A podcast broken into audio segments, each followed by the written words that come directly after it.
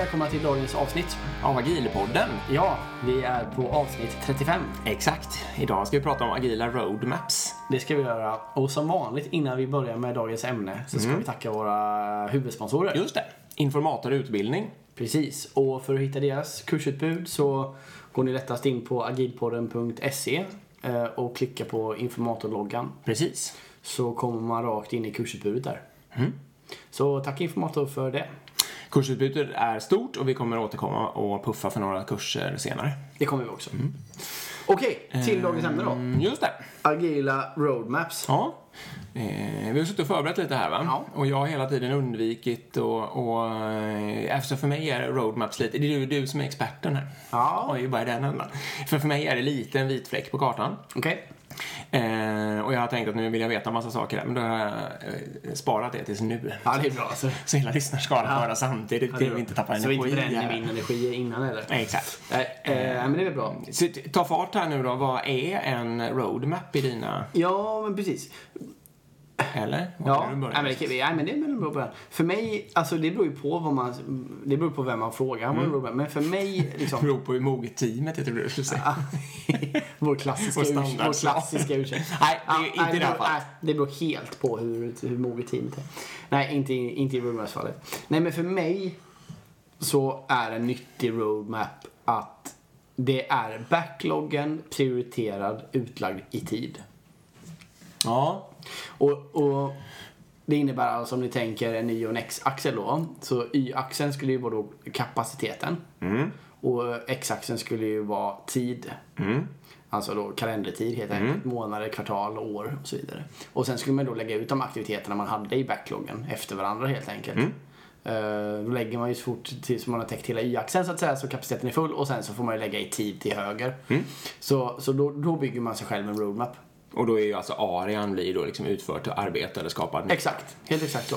Och ehm, det där kanske var svårt att hänga med på när vi, eh, bara i, i text, men vi får väl lägga ut en bild också på Instagram. vi. Men, men det är egentligen, enkelt sagt, det är att ta backloggen, samma prioritet och allting och lägga ut i tid. Det som kan vara komplexiteten då, det är ofta att backloggen är förhoppningsvis väldigt nedbruten. Det är väldigt små aktiviteter. Alltså det kan ju vara liksom en user story som handlar liksom om, ja, det kan ju vara flera hundra user stories, flera tusen user stories för ett team. Och, och säga att teamet har en kapacitet, eller en velocitet som innebär att man bränner av 40 om dagen eller något. Det blir ju en helt värdelös roadmap många gånger. Ja. Så man behöver ju aggregera upp till några nivåer. Ja. Och det kan man ju då göra via Epics. Man kan göra liksom, kalla det vad man vill. Alltså så typ ett, eh, jag menar säg att man har ett, eh, ett användargränssnitt, ett GUI. Eh, och sen så ska man göra massor med improvements runt det. Man ska flytta lite saker, man ska göra någon dropdowns och man ska ändra lite färger och man ska göra någon logotypändring och så vidare. Då skulle man ju kunna klassa alla de user storiesna i då någon form av Epic som heter Improve Graphical User Interface for this user. Mm. Mm. Nu blir det engelska, men det är för att vi hoppar på engelska. Ehm, och eh, den, den kanske då summerar ihop till att ja, men det här tar eh, två sprintar för ett utvecklingsteam. Mm. Ja, då, kan, men då kanske det är en lagom nivå att ha en roadmap på. För då kan man liksom, okej, då kan man lägga det som ett block. Sen behöver det inte i realiteten innebära att man utvecklar exakt allt i det blocket för att bli klar för att börja med nästa block. Utan en roadmap är något som lever också och ska ändras hela tiden. Men det är liksom, det kan, ofta är det väldigt, väldigt nyttosamt. eh, I alla fall diskussioner med verksamheter eller den som har pengapåsen. Att kunna göra en sån här roadmap fast den inte stämmer. Och bara visa det här är backloggen och det är så här vi tänker lägga ut i tid. För då kan man få diskussionen, okej den där eh, item nummer fem, den kan inte komma om ett halvår. Den måste vi göra liksom inom närtid. För vi ska realisera det här businessvärdet. Och jag ska bara säga klart då att ehm, då- och, då, och, då, och det ser man ju inte i en backlog. För backloggen är inte, är inte kopplad till tid liksom. Nej. Nej. Eh, Men i roadmappen så är det ju det. Så då ser man ju liksom helt enkelt att okej, den inte, om inte den kan komma då kan inte det heller vara nummer fem. Då måste det bli nummer två liksom. Om den ska, okej, men då måste vi flytta nummer två till nummer fem. Vad har det för impact? Och den diskussionen tycker jag är svår att få om man inte jobbar med roadmaps. Okej. Mm, nej, ja, eh, bra. Eh, Jag, om jag bara ska sammanfatta lite så är det att man lägger ut aktiviteter i tid. Eh, men det man jobbar på är en grej när x-axeln som vanligt är tid, eh, y-axeln är kapacitet. Så ju högre upp den är, så att säga, desto mer kapacitet har man, desto mera grejer, eller desto kortare tid tar varje aktivitet kan man säga. Och så är din poäng att man ska jobba på någon slags aggregerad nivå troligtvis. Eh, Med ep, till exempel med det som ofta kallas epics då, men ni kan kalla det vad ni vill. Man kallar det vad du vill. Ehm, vad jag tänkte på? Hur långt tycker du att en roadmap ska sträcka sig i tid? Ja, det är en bra fråga. Ehm, den, jag har precis suttit i ganska intensivt roadmap i mitt jobb uh, senaste veckorna faktiskt. Jobbat väldigt, väldigt mycket med det här med, med då utvecklingsteamen och uh, med verksamheten för att också kunna beskriva för slutanvändarna när olika saker är planerat i tid så de kan planera sin verksamhet efter det. Då. Mm. Eh, och den är väl kanske fyra fem kvartal i alla fall. Mm. Så det är ganska långt fram ändå i tid. Mm. Eh, det som händer dock är ju att boxarna långt bort är ganska stora och fluffiga. Mm. Då är det mer idén att ja, men vi ska in, här ska vi introducera ett nytt affärskoncept. Vi har ingen aning om vad det innebär i utvecklingstid. Vi vet inte alls vad vi ska bygga IT-mässigt. Vi, vi vet inte alls vad verksamheten behöver göra. Men lägg, det, lägg ett kvartal på ett utvecklingsteam då. Så har vi i Någon- alla fall buttat ut Ja, det. någon slags kapacitet vet jag att det kommer behöva. Vad heter det? det är ju också rimligt för så ser ju en backlog eh, oftast ut. Man bryter ju inte ner det i detalj som, som ligger, står jättelångt ner. Liksom. Exakt. Det är ju bara det som är i närtid som man bryter ner. Så det är väl ingen orimlighet i det. Helt, helt rätt. Eh, det känns som att man skulle glida över på den här frågan också. V- vad ska man ha roadmaps på flera nivåer? Ja. Nej, För nu har du lite pratat som att det är ett team än så länge. Mm. Nej men eh, svaret på det tycker jag är att nej det ska vara samma roadmap men den, är, den kan vara aggreger, aggregerad på olika nivåer. Jag menar tittar man då på eh, en roadmap för ett par utvecklingsteam, ja men då kanske det är på Epic-nivå. Tittar man på liksom ett högt ledningsgrupps eller högsta beslutsforums perspektiv då kanske det är snarare att man, man dunkar ihop det där till olika initiativ eller projekt eller vad man nu väljer att kalla det. Jag menar säg att man har ett nytt projekt som är nu ska vi införa eh, ja, vi ska kunna Nytt säljverktyg. Ja, till exempel. Eller, eller ännu bättre någon produkt liksom, som kräver massor med IT-stöd. Ehm, då, vi, då måste man ha en roadmap som säger att okej, det här behöver ske ungefär i den här tidpunkten. Liksom. Men det är sen, liksom, det är ju vi på högsta beslutsnivån. Liksom. Det är ju fortfarande samma roadmap. Den går ju inte emot det som sägs på längre ner. Förhoppningsvis. Det är bara att den är aggregerad till Ja. en väldigt hög nivå. Liksom. Ehm, mm. Jag har, väldigt... lyck- jag har lyckats ändå på liksom... Vi, vår roadmap är, har väl två views egentligen på liksom vadå, fem chefsled eller något. Så den har en mer, mer aggregerad nivå högsta högsta. Ja. Och sen ner på team och liksom produktledning eller produktägarnivå. Så Ja. är den lite mer detaljerad för vi fattar mer detaljer liksom. Så du, precis, du menar att i ditt arbete idag så jobbar du med roadmaps på två nivåer? Ja. Och då ska sägas att du leder en organisation som är 50, 60, 70 pers? eller Ja, något där kanske. 80 men det är 80 med, med konsulter. Ja. Eh, ja, men, det, men de gör ju också arbete. Va? Jag tror det. Såklart. Eller kostar de bara pengar? eh, det kan vara en annan konsult som lyssnar så vi kan säga skämta Jag måste sluta skämta om konsulter men det är roligt. Men det är lite okej tycker jag. Det är lite som att skämta om norrmän eller något. lite. Rika människor får man skämta om. Ja, Ehm, vi slår uppåt i alla fall. Ja, på något sätt. 80, precis. Och då, eh, så då har ju du då sådär en liksom 10 utvecklingsteam eller något sånt där kan man Ja, tänka sig. Eh, och då kanske man, då har du en roadmap för helheten kanske? Eller nej. Nej, jag har- det beror på jag har ju- applikationer det sånt också. Exakt. Jag har på applikationsnivå snarare som har samband liksom. En teori, jag får testa en teori på dig. En Ja. teori som jag har haft förut men som jag kanske inte riktigt har fått att flyga ändå. Det är ju att man ska ha det liksom per kund eller verksamhetsområde då, Mm. stödjande IT. Och att det är bra liksom att hålla den dialogen för att det är liksom en sån här kund, snedstreck verksamhetsområde som kan prioritera om inom, på ett enkelt sätt liksom inom sina aktiviteter. Och därför är det bra att hålla sig med roadmap på den nivån. Håller du med om det? Nej. Nej. Eh, Och det, det stödjer ju lite av te att det, har inte, jag har inte fått det att funka någonstans ordentligt. nej. Så du har ju antagligen rätt. Ja, just Nej, men jag vet Det funkar inte för mig för det, det, det, sanningen är ju inte det. det, den, alltså din enskilda verksamhet har antagligen inte... eh, det, det är inte ett feature team så att säga som bara styr över din verksamhet styr inte bara över roadmappen utan de kommer ha beroende till sina andra roadmaps, Ja, andra verksamhetsområdens roadmaps. Så därför så funkar ju inte det att ha, man måste ha en roadmap som täcker helheten oberoende av vilka verksamhetsområden som är påverkad. Ja, Man får försöka tänka istället. du menar så. Men ja, min... eh, affärsområdet, alltså förstår, det beror på hur man ser på affärsområdet. Antingen Ja. ser man affärsområdet som det som faktiskt är verksamhetsbiten. Eller så ser man det som faktiskt det som applikationen spänner i. Ja. För med en applikation kan ju spänna i fem olika Ja, verksamhetsområden. kan göra, men ofta gör de inte det. Nej, min gör ju det. Lite, några olika. Ja, min, ja. min går igenom tre i alla fall. Betala. Ja, då har du roadmap per applikation och då måste du föra affärsdialogen med tre olika betalare kring den där roadmapen. Exakt. Men alla, jag har ju inte olika roadmap för de här. Jag har ju en roadmap för alla tre. I och med att, ja, Så jag, jag har en roadmap, för, nu kanske det blir för detaljerat här. Men jag har en roadmap för alla de här tre verksamhetsområden. Så det innebär att om verksamhetsområde A börjar flytta i den, då, det får de inte göra utan att B och C är med. Nej, jag förstår. Men min, varför jag inte har fått fri... Nej, men det har inte med det att göra förresten. För det är inte det, är inte det som har varit problemet i mitt fall, att, ehm, att det har funnits beroenden till andra, utan det är mer att det är snarare till och med ändå värre att man har inte kunnat flytta runt resurser inom ens den eh, verksamhetsområdet liksom, därför att alla är så himla specialiserade. Det är mer därför aldrig har flugit. Mm. Nej, för det, det är en superbra eh, tanke, eller som du säger där. För att om man ska kunna prioritera på riktigt verksamhetsvärde, Ja. alltså det här handlar ju egentligen inte om roadmap, men det, det slutar ju upp i det. Alltså om, om verksamheten eller den personen som produktägare, organisation eller kalla vad man vill, om de ska på riktigt kunna prioritera backloggen och säga att det här är det som skapar mest affärsvärde och det ska vi göra först. Då får inte vi, eller vi, men då får inte IT-organisationen ha tekniska begränsningar.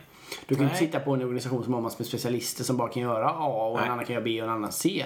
För då, kan, då, då måste du gå till prioriteringsorganet och säga att nu måste du prioritera två A-aktiviteter, två B-aktiviteter, två C-aktiviteter oberoende av hur viktiga de är för dig liksom. Och det är ju samma sak, det märker du ganska snabbt när du börjar bygga en roadmap. För så fort du börjar flytta om i den här roadmapen så måste, kommer frågan bli, är det tekniskt möjligt att utveckla de här Ja. fyra sakerna parallellt? Nej, för vi har bara ett team som Ja. kan göra det liksom. Eh, och det, det, det, det tycker jag är bra eh, att man visar en sån roadmap och säger det här är det som verksamheten skulle vilja. Det här, det här skulle skapa mest affärsvärde. Därför måste vi bygga en IT-organisation som på riktigt är anpassad efter det. Alltså vi måste bygga feature team som kan vara oberoende av varandra och, hantera, och så vidare. Då. Mm. Och bara för att vara lite snäll här nu mot alla som eventuellt sitter och får ångest där ute. Alltså det här är ju en resa. Det är ju jättesvårt. Det är precis som att det är ganska, eller liksom, det är ju en resa att få ett team att gå till att bli ett feature-team. Det är en resa att få en frontender att bli T-shaped och, och göra liksom lite backend och så vidare. Och, så vidare. och på precis samma sätt så är det här en resa på lite större nivå. Att få Ja. människor att lära sig en större del av verksamheten och förståelse för den och lära sig flera tekniker och kunna jobba inom fler teknikområden och så vidare. Ja. Eh, Men det är jätteviktigt att börja den och så att man hela tiden breddar så att fler och fler människor, eller team kan göra en större och större del av arbetet liksom. Och så man får upp sin flexibilitet. Precis. För sen, jag menar indirekt så blir ju roadmappen den som styr backloggen. Eh, Ja. I någon, något sätt. Och där, där kan det bli lite då, eh, där har vi haft lite, liksom, okej hur ska vi sätta upp styrningen kring detta? För produktägaren är ju faktiskt den som på riktigt ansvarar för prioriteten i backloggen. Samtidigt så lägger vi en nivå ovanför som säger att nej men roadmappen måste styra backloggen. Eh, och, och vem bestämmer över? Jo, det är de som betalar som bestämmer över roadmappen. Mhm. Kan- Vad händer om det går i konflikt med det som produktägaren vill och så vidare? Förstår du? Ja, precis. Men en produktägare som inte eh, beaktar den som betalars intresse är ju ingen produktägare på något sätt. Nej. Men det kan ju samtidigt vara att produktägaren har pratat med då slutanvändare eller har liksom kommit på en jäkligt smart lösning som roadmap-personen kanske inte har förstått. Så att säga, eller betalande Då har ju de en dialog att göra. Ja, precis. Och, här, men, men där blev det... Här, vi har lyckats lösa det tycker jag. För det vi har gjort då, i det här fallet, är att vi har satt upp ett, ett, ehm, ett prioriteringsorgan kring den här roadmappen då på Epic-nivå. Där liksom då det är, väldigt, det är väldigt mycket chefer i och med att det är budget det handlar om. Från alla de här olika verksamhetsområdena inklusive IT. Ehm, och sen har vi helt enkelt sagt att produktägaren har full konstnärlig frihet liksom, i att prioritera om på väldigt, alltså inte på stor nivå men väldigt mycket inom de här boxarna så måste helt enkelt prioritera. Men den här är smartare att bygga för den här och så vidare. Ihop såklart med team och arkitekt och så.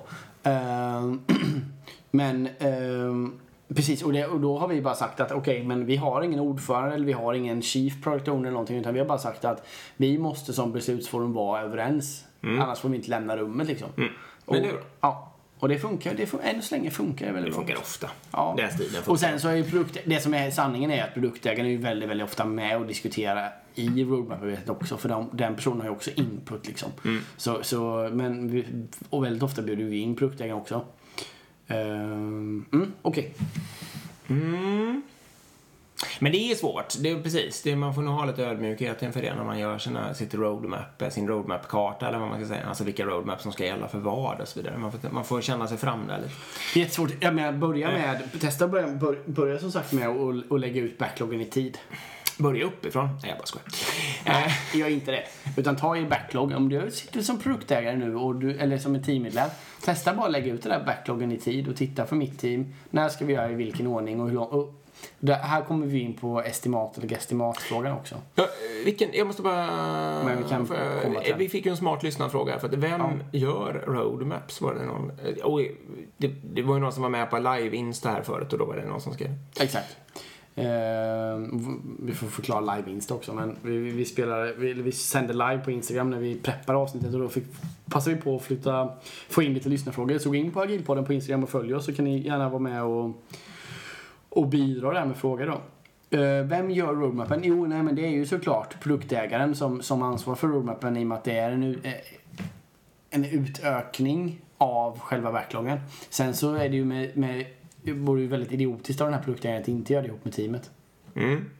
Och är man på nivån ovanför då, då är det kanske någon programägare eller någon betalande verksamhetschef eller något sånt där. Det är det ofta. Precis som Men du de sa, gör ju ofta inte... Beslutsmöte. Nej, och de gör ju ofta eh, pengar på skubben eller kvinnan gör ju sällan själva arbetet utan det är ju snarare att flytta boxarna sen liksom.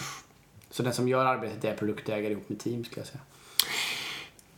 Har, nu går vi vidare, mm. bestämmer jag. Det är okej. Skojar. Och eh, ja, jag är lite här på det här. Är det en plan förresten? Är roadmappen en plan? Ja, det tycker jag. Du, sa, du sa ja på det. Ja, jag tycker Och För sen, du var ju precis på väg att toucha på det här. Om man ska jobba med estimates, har man en roadmap då? Liksom? Ja, det tycker jag. Ja, då tycker man har det ändå. Ja. Ja, ja, ja, jag anser att vi jobbar nog estimates. Men en roadmap är ju ett estimate. Eh, nej. Ja, men du ser ju kapacitet... Den där box, hur långt boxen sträcker sig ut i höger-vänsterled är ju ett estimate. Ja, det, det är det. Måste ju vända ordning här. Eh, jag, jag, kallar, jag kallar det för gestimat då i och med att det är ju inte något Ja, annat. ja, men, Men- men, inte Woody skulle... Nej, men, men det, Nej. det, återigen, det vi gör är ju att man tar den här utvecklingsaktiviteten och jämför med en annan. Det är ju den liksom hybridlösningen vi pratade om innan där. Det, och det är I mitt sätt är det ett okej sätt att... I min eh, åsikt är att det är ett okej sätt att estimera på. Att alltså jämföra med tidigare aktiviteter, absolut. Exakt. Men det är ju inte no estimate. Eh, nej, det är det inte. Eh, men jag, jag tycker ändå, det beror väl på återigen hur mogen organisation man har. Men har man en, en betalande eh, verksamhet som köper helt enkelt att man levererar bara utifrån liksom någon kanbanflöde. När det är klart är det klart och då går det i produktion. Ja. Och så rullar det på så och man har en väldigt hög takt och det funkar. Då finns ju inte behov av roadmap Nej. planer och sånt. Men, men eh, det är ju väldigt sällan verklig- verkligheten ser ut så. Utan ofta har man ju en ledtid i deployment. Man har, det tar tid att utveckla. Man behöver ha någon form av, eller man behöver inte, men man vill ha känslan av kontroll och så vidare. Man kan, jag känner att jag har köpt väldigt, väldigt mycket förtroende hos min verksamhet och slutanvändare av att göra det här arbetet. Ja, nej, men det, det- absolut, det fattar jag. eh, Och, och om man går tillbaka till estimat eller gestimatfrågan då så det, det vi gör är egentligen att bara titta då på en t-shirt size storlek, inte mer än så. Jag Mm. bara säger small, medium, large. Eh, och är det större än large så bryter vi ner det. Eh, och så bara titta då, okej hur, hur, hur lång tid skulle det här ta för ett utvecklingsteam? Ett, vi kan fråga utvecklingsteamet, känns det rimligt att det här skulle ta ish två sprintar? För det är ju flummigt, det är ju inte nedbrutet här. liksom. Nej, nej. Ja, men det känns som en rimlig grej. Och eller att, man jämför, att teamet då jämför det med tidigare aktiviteter. Mm. Och tittar då, okej, är den här boxen är den lika stor som den boxen? Nej, den är större. Okej, då är den large. Och så. Ja, ja. Men absolut, det sker ju något form av gestimat där. Ja. Jag, jag hade faktiskt en följdfråga på den också. Så här, för jag tänker ibland att det är jättevanligt att roadmaps används på det här viset. Att man gör den och så innehåller den lite olika så här moment. Att vi liksom ska tillfredsställa den här kundgruppen här. Eh, och sen, den, alltså först ska vi lösa de här A-frågorna och sen B-frågorna och så vidare. Och så har man lagt gett ett kvartal var till exempel om vi bara gör det lite enkelt här. Eh, men sen märker man ju då att man inte kommer riktigt så långt som man hade tänkt sig med A-frågorna i slutet av det här kvartalet. Då skulle man ju kunna ha approachen, eh, alltså även på roadmap-nivå skulle man kunna ha approachen att man håller sig stenhårt till deadline. Timeboxing. Liksom. Timeboxing helt enkelt. Så att A-frågorna fick ett kvartal och sen är det B-frågorna. Eller så skulle man bara kunna låta hela skiten glida i tid och fortsätta jobba med A-frågorna ett tag till. Ja. Har du någon uppfatt åsikt? Nej, det beror på. Jag tror båda metoderna är bra beroende på vad du håller på med. Och min hypotes då, som du kanske hörde på tonfallet, det är ju lite att eh, man kanske... Att, vad ska man säga, om jag uttrycker mig så här. Självklart inte alltid och rakt in i planket, men jag tror ju att man oftare tjänar på att hålla sig till sin timebox. För att man tjänar på att tillfredsställa den där, alltså det, den delen av värdet som de här A-featuresarna eller den kundgruppen A liksom fick under det där kvartalet, det är liksom 80-90% av värdet. Ja. Och fortsätter man så kommer man liksom jobba på det som inte var lika viktigt. Antagligen. Och troligtvis har man mycket mer att casha in på att eh, tillfredsställa kundgrupp B. Liksom. Ja. Eh, och så lägg hellre in, men det här är ju bara en allmän hypotes, allting beror ju på, men lägg hellre in en ny timebox, liksom kvartal 3 då. Eh, när man jobbar på A igen, och- eller när det nu finns ledig kapacitet. Liksom.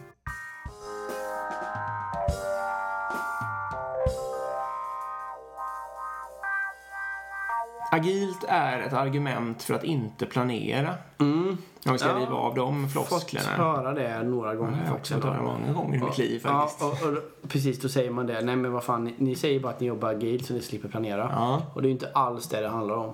Bara för Eh, att slippa planera. Nej, precis. Utan, men, men och, jag menar om vi tittar i eh, manifestet så är ju ändå eh, adopting to change. Responding. Mm. Ja, det är, responding mm. hela tiden. Ja, responding to change over following a plan. Precis. Och grejen är ju bara att man, den säger ju bara att man ska försöka hantera de ändringarna som kommer istället för att strikt följa planen. Mm. Det säger ju, och det här är ett vanligt missförstånd då, men det säger ju inte att vi inte ska ha en plan.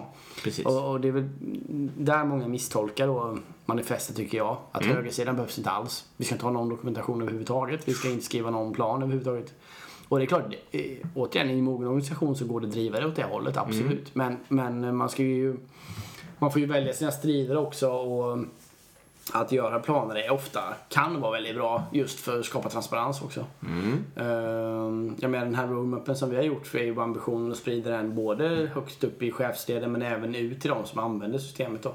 Så med de också ser, okej när är det tänkt att olika saker ska komma just nu. Sen blir det en ögonblicksbild. Eh, Det, får man ju, det måste man ju vara noga med att kommentera att det här är vår prioritet just nu. Den ska och kommer ändras. Men då får ni roadmappen igen. Ehm, Hur pass transparent tycker du att en roadmap ska vara? nej, helt fullständigt transparent. Ska den ligga på internet eller Ja, ja, med helt? verkligen. Mm, okej. Det tycker jag. Det, det finns En publik webbadress? Ja, gärna. Den, den får inte, det finns ingen anledning att hålla den hemligt. Nej. Jag bara kollar. Eh, jag har ju också, känner ju direkt där att jag har en åsikt. Vad ska man säga, det här med att köra no estimates och så. Det är liksom, det kommer ju funka om man sitter, om alla kan prata med alla till exempel. Om man har en så pass liten organisation. Om man är 35 stycken och alla sitter i ett stort rum. Eh, inklusive beslutsfattaren och marknadsavdelningen och alltihopa liksom. Då, ja, jag bara för att ta ett extremt exempel, Ja, då ja. kommer det ju funka hur bra som helst. Ja. För då, kommer man ju, då kan ju marknadsavdelningen skrika liksom att nej, det, vi säljer inte på det där längre. Det var, vi har satsat fel, kasta om liksom, utveckla på det här. Ja. Eh, och så ställer utvecklingsorganisationen om och gör det alltså efter kafferasten när man pratade om det. Liksom. Ja. Men, men ju större organisation och ju mer på något sätt, om man är, är någon slags global organisation men säljer, kanske säljer över hela världen och så vidare. Då är det ju, har ju de här planerna, eller kalla det vad du vill, men någon slags planer och roadmaps ett mycket, mycket större värde. Eh, om de då är transparenta så att folk vet ungefär när de kan förvänta sig saker, precis det du sa, så är ju det jätteviktigt. Och det skapar en trygghet och ett lugn i hela organisationen. Mm, det kan det göra. Ja, Sen, sen tror jag till exempel, om, jag, om du och jag skulle köra en egen organisation, mm. säg 5000 personer eller någonting. Mm, ganska stor. Ganska stor ändå, systemutveckligsorganisation. Jag säger 1000 uppåt eller något. Så vi kan inte ha koll på det liksom. Vi känner inte alla och sådär. Nej. Ehm, du och jag skulle ju fortfarande inte efterkräva en plan och en roadmap. Ja, men vi kanske skulle ha en. Ja, då skulle du och jag skapa den i så fall. Ja. Men, men du förstår, bara, bara min poäng är liksom att jag tror du och jag skulle fatta att nej, men det är bättre att lägga fokusering på att inte sitta och estimera, att inte göra planer, att inte ha administrativa resurser som lägger tid på Ja. detta. Utan bara fokusera på att leverera värde istället. Sen kan du och jag följa upp, okej anser vi att utifrån den här mängden personer vi har får vi ut tillräckligt mycket värde? Ja. Och så länge vi känner oss nöjda med den kvoten och känner att ja, men vi deployar 50 gånger om dagen. Vi realiserar det här kundvärdet och sådär baserat på de alla utvecklingsteam vi har. Då skulle ju vi vara nöjda med det liksom. Ja. Men det är också lite, jag tycker att autonomifrågan dyker upp där. För att om man lyckas göra sin organisation så att autonom på det viset att varje, alltså de olika delarna klarar av att sälja sitt eget grej så att ansvar för sina egna intäkter och har någon slags balans där. Då behöver man inte hålla på. Då, kan de, ju- då, får, då kommer de ju troligtvis att ha roadmaps själva men då måste man ju inte avkräva det på samma Nej. sätt. Men om man mer är en enproduktare liksom, ja men typ Spotify om jag får nämna deras namn igen liksom. Eh, då kanske man måste ha en roadmap för att de är så pass många så att det måste hålla ihop liksom. Mm, det kan vara Och, så. ja, och det där är ju en evig avvägning. tror- Jag tror ändå inte du och jag, om vi nu går tillbaka till den här fantasiorganisationen, hade, hade, hade gått på roadmap. Vi hade snarare jobbat med bara vision och Jo, det- motiverat och jobbat med andra eh, verktyg. Vad är förhållandet? För det var en sak som jag tänkte fråga dig. Vad tycker du att, hur förhåller sig roadmappen till visionen? Ja, jag tycker ju att jag tycker ju inte det att man ska bygga roadmap utifrån vision. Utan man, jag, så som jag har gjort i alla fall, sen om det är rätt eller fel. Men jag har ju snarare kopplat de roadmap-aktiviteterna till visionen. Förstår du? Ja, Så man, i princip jag gör, kommer jag- först, jag, liksom? jag gör roadmapen helt utifrån vad som jag anser skapar mest, eller jag ihop med verksamhetspersonerna, skapar mest affärsvärde. Ja. Sen efter det så kopplar man till, till vision då. Liksom att Ja. okej, det här, vi ska göra det här i molnet, ja det är kopplat till vår IT-vision. Eller vi ska eh, realisera det här, nya serviceprodukten. Jaha okej, ja men det är också i vår vision att vi ska ha en högre ja. ebit. Men då har du inte jobbat visionsstyrt. Nej. Men jag tror ju inte på vision. Har du glömt bort det? Nej, nej, men du tror ju inte på såna här skitvisioner. Nej. Men jag menar, för jag är ju egentligen tycker jag ju om att jobba vision, visionsstyrt, men då vill jag ha en riktig vision liksom. Ja. Alltså en sån här vision som jag snabbt kan säga till alla, alla kommer fatta vad jag menar och så springer de hem själva och, gör, och jobbar åt det hållet. Ja. Och då behöver det finnas ett, då behöver, den människan som skapar den där roadmappen behöver ju då känna till visionen och se till att den följer, att den jobbar i rätt riktning. Liksom. Ja. Men det kommer ju, i min organisation så kommer det ju vara så utan att det är ju ingenting jag direkt kommer behöva jobba med specifikt liksom. För visionen kommer ju alla känna till. Precis. Ja, men så, och sen, sen det, det vi har försökt att göra också, det, det, det har visat sig svårt, men när vi prioriterar in nya saker i roadmappen, då kollar vi den nya saken, okej hur kopplar den mot vår vision? Mm. Stämmer den överens med de strategiska mål och sånt vi vill gå mot? Stämmer det överens utifrån vilket mycket pengar vi vill tjäna? Och så vidare. Så då försöker vi göra ett liksom, eh, nu ska jag inte ta ordet i min mun, men jag gör ändå ett business case. Men, men ett form av liksom, ett, vi mappar, för att kunna jämföra om A, vi ska göra A, B eller C först.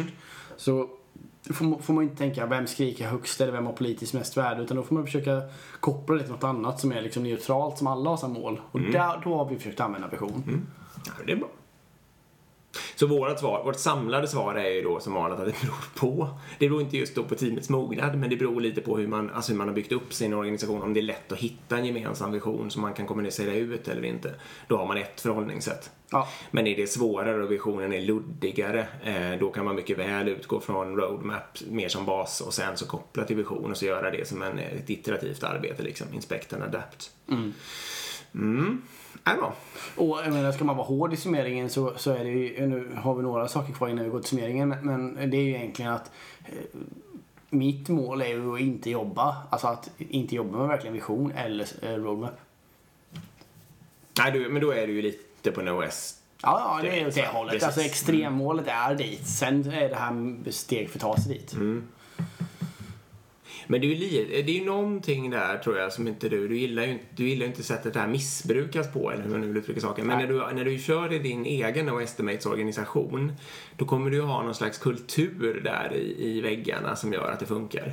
Ja, jag Och den hörde, är ju liksom visionär på något sätt. jag hörde någon, jag. någon professor från Handels faktiskt som pratade om det där, olika ledarskapsstilar och hur man ska bygga det.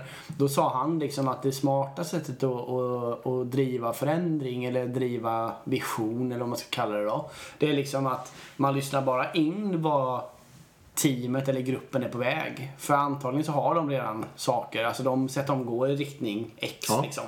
Du märker det när du pratar men de, har inte, de, alla vill riktning X men de kanske inte riktigt har gått dit. Nej. Då är det väldigt smart som ledare att, hela, att bara lyssna av det hela tiden. Ja. Och sen ställa sig lite längre fram i riktning X och säga kom för med här. Ja. Ehm, Men det gäller ju då att det går att tjäna pengar på riktning X eller vad det nu är för Ja, någonting man men det gör det ju. Jag menar, det, det är ju det här... ehm, Nej, det är inte säkert att jag det, Nej. det här beror ju på, dels beror det på vad du har rekryterat för människor. Jo, precis. Men det beror också på informationstransparens och massa sådana där saker. Ja, det gör de, det. de måste ju känna till Ja. kunderna. De måste ha varit ute och träffat en kund eller vad det nu är för liksom. Alltså det är massa sådana där saker. Precis, men jag, jag antar ändå att, att arbetsgruppen eller de anställda eller vad man ska kalla dem är så pass smarta att de på riktigt fattar vad som är bra för det här företaget. Ja. Och jag, jag, jag, jag tänker du. att du som enskild chef ko- kommer garanterat ha sämre åsikter än de som grupp. Fast de inte har all information och så vidare. Ja. Eh, det kommer jag ju förstås ha. Men det jag tänker är ju kanske, eller det som jag kan bidra det här beror ju väldigt, väldigt mycket på en massa saker. Men det som jag kan bidra med som chef, det kan ju vara att jag peppar alla människor att ta sig ut och möta verkligheten och sådana där saker. Ja. För det finns ju faktiskt verksamheter som blir lite skyddad verkstad och folk sitter och vet inte riktigt. Det kommer någon beställning och så de, försöker de exekvera den liksom, och, så, och så tappar de anslutningen till verkligheten på något sätt. Det är ju inte alls ovanligt. Nej, det är inte. Men då menar jag att de människorna som eh, är duktiga och ambitiösa, de kommer ju ruttna i en sån miljö och sluta. Alternativt Jo. att bara bryta mot regeln och ta reda på informationen själva. Ja, kanske. Man kan ju hoppas det. Men visst, det är klart det finns fall och det inte händer också. Och det finns också duktiga alltså människor som tycker om tekniken så mycket så att de kan tänka sig att Ja. sitta och jobba med den utan att riktigt... De blir, det blir inte jätteroligt liksom, men människor har ju lite olika drivkrafter och så. Ja. Nej, jag förstår Ja. din poäng. Men om man bara ska säga något sammanfattande om det där, så se till att ni i alla fall har tänkt efter. Om, alltså har ni en begriplig vision som alla känner till eller känner ni er mer fram eller vad, hur gör ni? Men att ni i alla fall har tänkt ut hur ni vill ha det i er organisation. Ja. ja, men det är väl en jättebra poäng. Eh, Och så gör roadmap-arbetet utifrån det. Mm. Ehm, men vad heter ett sånt här Gantt-schema då? Är inte det en ganska bra Det roadmap? är jättebra. Det problemet är ju att... Alltså, Microsoft Project. ja, Ja. Det tycker jag du ska använda Erik. Ja. Till din roadmap. ja, det ska jag göra. Bra. Eh, nej men grejen är, det, det här är en viktig statement också då. Att en roadmap som inte har koppling till kapacitet är en wishlist. Ja. Ja. En roadmap måste ha koppling till kapacitet. Det är så vanligt att jag ser Gantt-scheman eller långa uh, tjofräser som visar att nu ska vi, i Q2 ska vi implementera det här projektet. I Q2 ska vi implementera det här och i Q3 ska vi göra det här långa som sträcker sig. Och så, det skapar vad folk kallar en roadmap. Ja. Det är alltså egentligen ett, ett stort Gantt-schema med olika projekt som ligger i olika faser. Ja. Och de har man ju bara lagt ut utifrån lite vad man känner för. Ja. Eh, Ja, och vad man vill, Tittar man väldigt ofta i dem så ligger allt, Men- äh, allt ligger till vänster. Allt ligger i närtid Ja, och blir det. ingenting ligger Nej, efter. precis. för allt ska ju göras nu Ja, liksom. allt är viktigt. Och så är det inte kopplat till kapacitet. Alltså det är Nej. inte kopplat till att folk som ska jobba med de där grejerna är 100% allokerade till de grejerna. Utan man har bara, äh, det får man titta på senare. Det gör man ju i någon beslutspunkt 3 liksom, och allokera resurser. Exakt. Men om jag nu ska sätta på mig försvarshatten bara för att få lite dynamik i det här. Så Ja. de människorna som jobbar med sådana där, de tycker att det är kopplat till kapacitet därför att de resurstillsätter eh, på de där korvarna eller lådorna eller vad man nu ska kalla det. Så att de ska bli klara i den där tiden. Och blir de inte det så ska man hitta fler resurser som kan arbeta med. Och, Ja. och då är det så kallad bemanning och då är det ofta i procent och så vidare. Och det Ja. visar ju historien att det verkligen inte fungerar. Och det är ju heller inte så att man kan ha mycket fler människor precis nu och sen lite färre om några månader och så vidare. Och så vidare. Exakt, och det är återigen kopplat, för det är kopplat till kapacitet men det är också kopplat till kamp, eh, kompetens. Ja. Jag menar, har vi 20 Java-utvecklare och, vi, och så kommer det i roadmapen 3.net-projekt, ja, det kommer ju vara jobbigt liksom. Men- Eh, det var ett dumt exempel men ni förstår. Eh, så, så sjukt viktigt att roadmap måste ha koppling till kapacitet. Annars är det, eh, det är inget fel på att göra en önskelista. Men man ska kalla det för en Då önskelista. får man kalla det för önskelista också. Ja. Så skillnaden på en, ett Gantt-schema och en riktig agil roadmap är att den riktiga agila roadmapen så framgår kapaciteten. Ja. direkt synligt visuellt. Det ska sägas också. För det kommer jag ihåg när jag själv jobbade. Jag har ju varit projektledare och jobbat med Microsoft Project. Att det, fanns ju, det är klart att kapaciteten var med där. Men det var ju någon annan flik eller vad det nu var när man gjorde en resurslista och gick in och så kopplade man ju de där med jättekomplicerade liksom eh, ja, men metadata då, så man kopplar dem till varandra på något sätt. Och sen när man började ändra i det där så bröt ju helvetet lös liksom på något sätt. Eh, Ja. ja, men Jo, och sen, för, för ja. det som är problemet också är ju att du har ju ingen aning. Om du sitter och säger, lägger ut ett projekt Y nu som ska ligga Q2, Q3. Då, kan du, då, kan du, då sitter du som ensam individ och antar att det behöver finnas 75% lösningsarkitekt, 100 eller 15 FTE utvecklare och så vidare. Ja. Men du har ju ingen aning om det. Du, det är ju helt idiotiskt att du ska sitta och Ja. gissa på det. Och sen så, att kalla det för att man har, att man har transparenskapacitet, eller, det, det är ju helt fel. Liksom. Ja, det har ju ingenting bra. med det att göra. För vissa människor. Det känns bra. Men, men bara, nu är det mycket här. Men Ja. bara säga det innan du får Ja. ta ordet. Att det, det är precis som eh, när vi pratar om estimerade projekt i sig. Liksom att om, om, man, om ni har någon som driftar med en sån där roadmap som inte har en koppling till kapacitet och kallar det för roadmap. Då är det ju bara att be dem om föregående fem års roadmap och kolla okej, nu vill vi titta på det ni har planerat, vad är det ni har levererat och när har ni gjort det i tid? Har det alignat med det ni har sagt i roadmappen eller har det inte skett? Ja, om det inte har skett, okej, ska vi då fortsätta med samma metod för ytterligare fem år och få samma resultat? Eller ska vi göra en riktningsförändring och göra något annat? Då kommer ni få förändring. Det kommer inte, ja, våra agila roadmap kommer ju inte heller att stämma sådär liksom. Men det kommer stämma mycket bättre. Nej, det kommer inte stämma. Vad var det jag skulle säga? Jo, varför, vill, var, varför gillar folk ett Gantt-schema? Eller jag lovade ju i alla fall förut här i, i, på Insta att jag skulle dra spagetti, köttfärssås liknande. Ja, det får du göra. Eh, nej, men det här att, eh, vi har säkert pratat om det förut, men i det lilla, när en människa gör saker i det lilla, eh, då är det ju sekventiellt. Alltså, och det gäller ju kod och sånt också. Men om ni ska göra spagetti och köttfärssås så tar ni liksom kastrullen i handen, går bort till eh, disk, till vattnet, tappar upp vatten, sätter den på spisen, startar spisen och så vidare. Det där är ju ett vattenfall eller en sekvens. Och är det en sån där sak som man själv klarar av att vad ska man säga, människa bryter ju ner allting till sånt som, som man kan klara av att göra när man väl gör någonting, liksom, som till exempel det, särskilt saker man kan. Eh, då är ju det små vattenfall. Men sen fallerar ju det där om man tror att man kan ta, alltså man kan, det går inte att skala upp, det är det som är min poäng. Liksom. Man kan inte göra spagetti och köttfärssås till 10 000 människor på samma sätt, eller kan och kan, men det, det, kommer inte bli bra. Liksom. Eh, och man kan inte laga en helt annan svinkomplicerad maträtt som man aldrig någonsin har gjort eh, med samma metod. Liksom.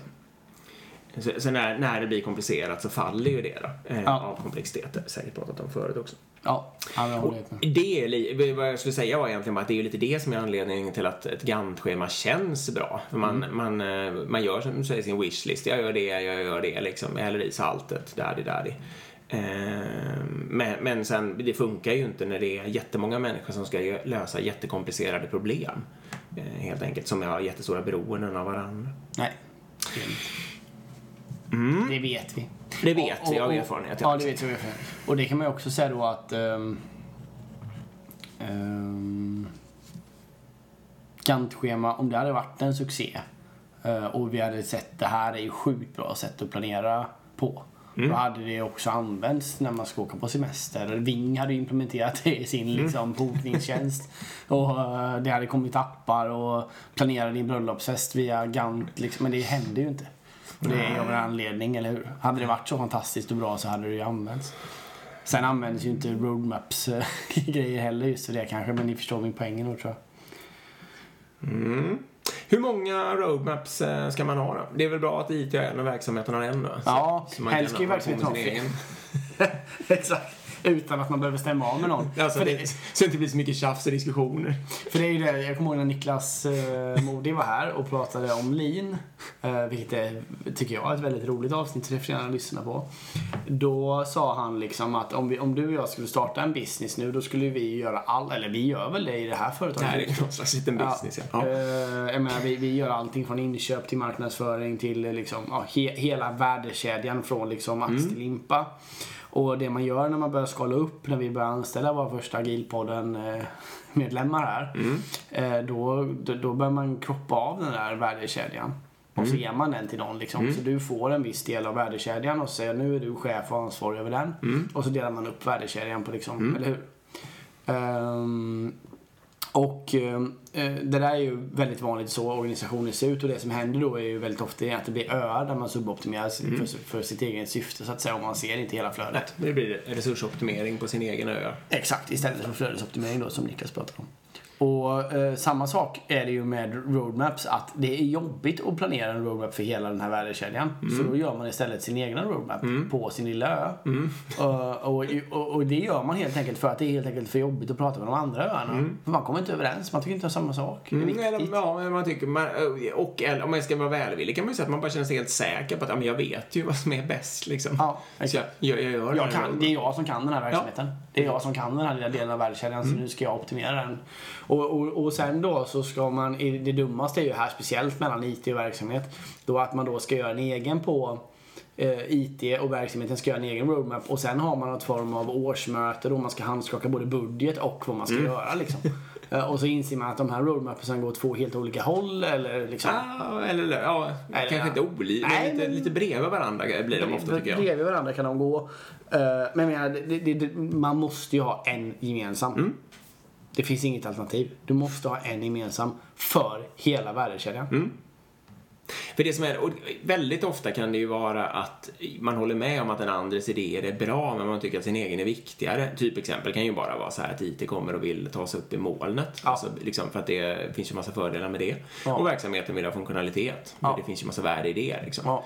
Ja, och, och har man tänkt för länge och, och planerat för detaljerat då blir det ju en fullständig låsning eh, när man märker det. Men om man däremot pratar om det i ett öppet klimat när man gör roadmappen tillsammans på en workshop så löser man ju det liksom. Man lägger Exakt. in den där molnresan på någon lämplig Helt exakt så. Liksom. Ja, nej, så vår poäng här är att det ska vara en, eh, alltså en roadmap för en viss värdekedja i alla fall. Ja. Sen behöver man ju kanske ha olika roadmaps för olika delar av sin verksamhet förstås, men det är väl annat. Det kan det vara. Ehm, mm. Ah, coolt. Verkligen. Mm. Ska vi ta och runda av ämnet agil roadmap? Ja. Det var roligt. Ja, det var Jag känner mig lite ranty men det får är vara bra. Jag känner att jag faktiskt, jag har inte tänkt så mycket på det här som du har gjort. Jag blev, jag blev lite inspirerad. Ja, bra. För en roadmap. Mm. Eh, vi ska ta och puffa för lite kurser också då. Eh, hos ja. vår eh, huvudsponsor Informator. Precis. Eh, vad har- har vi för något? De har till exempel en ny kurs, har informatorutbildning, Ja, eh, som heter Att leda en agil organisation. spännande. Mycket. Eh, en dag, så den kan ni ju verkligen ta i tid och palla er iväg till. Mm. Eh, och den riktar sig till ledningsgrupper, VDR och styrelser eh, och så vidare. Och säkert väldigt, väldigt bra då nu om man vill göra en transformation och, eh, och kanske känna att kompetensen mera kretsar kring gamla grejer. Så att säga. Verkligen. Och där i behandlas ju också med både portfölj och roadmap Mm. i den kursen liksom. Det finns även en kurs som heter Agil portföljstyrning. Mm. Två dagar. Eh, behandlar till exempel Lean Startup, behandlar eh, det de kallar roadmapping och självklart portföljarbete. Ja. Eh, Så där, ja, ja. precis. Där kan ni gå in om ni vill lära er mer om detta såklart. precis. Kika på dem. Ja, och om ni bokar så skriv gärna med agilpodden också så de vet att bokningen kommer via oss. Mm. Eh, Och gå in via agilpodden.se och klicka på informator. Exakt. Tack Informator för det. Verkligen. Vi ska även puffa för eh, våra egna kanaler va? Mm, Vi har, en, vi har en Instagram. precis. Agilpodden. Ja, och vi har en uh, Gmail. mail, mailadress. Eh, agilpodden at gmail.com. Ja, precis. Och där kan du nog mejla oss om, om eh, vi, vi eh, kör lite föreläsningar på behov. Mm. Vi har inga färdiga paket utan vi anpassar då helt och hållet efter era behov, vilket är roligt. Så hör av er om ni är intresserade av det. Eh, vi söker också ytterligare sponsorskap till podcasten faktiskt. Ja, Så om ni sitter på ett företag eller en produkt eller en tjänst eller vad som helst och ni känner att ni vill ut detta till en stor agil community så får ni Precis. höra av oss, eh, hör, hör av er till oss och det gör ni också via vår Gmail då, agilpodden.gmail.com. verkligen. Uh, ja, det är väl det eller? Precis, och när ni hör det här kommer Agila Sverige ha varit och då finns det förhoppningsvis ett YouTube-klipp att titta på. Det. Otroligt spännande. Nu är det så då återigen att det är den här vår turné har inte gått så bra hittills. Jag har varit magsjuk och varit borta och nu råkar jag boka ut en utlandsresa på av Agila Sverige. Fast jag liksom är anmäld och klar så det är ju för dumt. Men eh, så Dick får ju köra själv igen då. Ja. Så jag håller mig fortsatt hemlig. Eh, men gå på den för guds skull, ni som ska gå på Agila Sverige. Och uh, hälsa han från mig. Och ni får applådera och sådär och säga att det var bra. Jag får panik över det.